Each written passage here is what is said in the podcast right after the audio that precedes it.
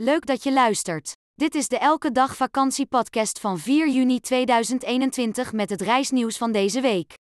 Duitsland reizen naar Duitsland is weer makkelijker. Het Duitse ministerie van Buitenlandse Zaken meldt dat Duitsland Nederland vanwege de dalende infectiecijfers niet meer als hoogrisicoland beschouwt. Wie uit Nederland naar Duitsland reist, hoeft dus niet meer in quarantaine. Wel moet een reiziger nog een negatieve PCR-test voorleggen en geldt het CER in de deelstaten verschillende maatregelen.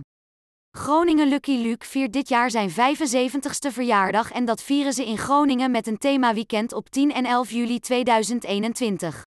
Er staan allerlei activiteiten op de planning. Van een meet en greet met Lucky Luke tot een workshop waarbij je Rattaplan, de hond van Luke, leert tekenen. Daarnaast kun je boeken van de cowboy lezen uit de bibliotheekcollectie en unieke tekeningen van Lucky Luke bekijken in Storyworld. Rotterdam Na een sluiting van ruim een half jaar opent het Maritiem Museum Rotterdam weer de deuren.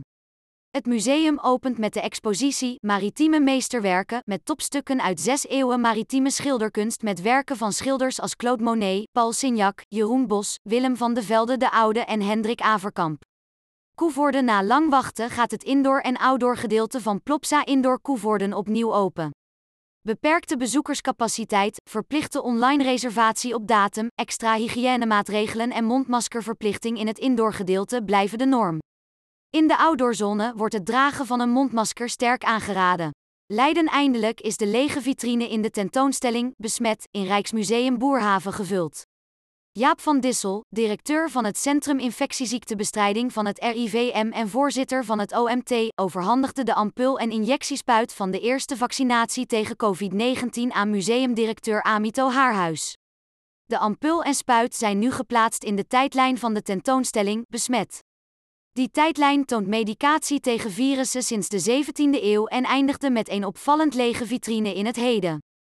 Die was namelijk bestemd voor het nog te ontwikkelen eerste vaccin tegen COVID-19. Lees alle achtergronden op elkedagvakantie.nl.